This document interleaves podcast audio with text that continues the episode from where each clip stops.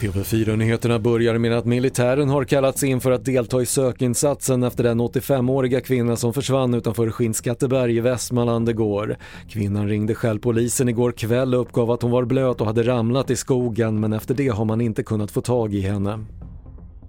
I Japan behåller den styrande koalitionen med Liberaldemokraterna i spetsen majoriteten i överhuset efter gårdagens val som starkt präglades av mordet på den tidigare premiärministern Shinzo Abe. Valresultatet öppnar för en grundlagsändring som syftar till att stärka landets militär. Priset på asfalt rusar i spåren av kriget i Ukraina och sanktionerna mot Ryssland. Det gör att Trafikverket och flera kommuner nu har stoppat många av sommarens planerade vägarbeten, rapporterar SR. Enligt Trafikverket kommer man istället att flytta fram åtgärderna till kommande år. Och världens befolkning väntas nå 8 miljarder i mitten av november i år enligt en FN-rapport som förutspår att Indien går om Kina som världens mest folkrika land nästa år. Och enligt rapporten väntas det finnas 8,5 miljarder människor på jorden år 2030. Och fler nyheter hittar du på TV4.se. Jag heter Patrik Lindström.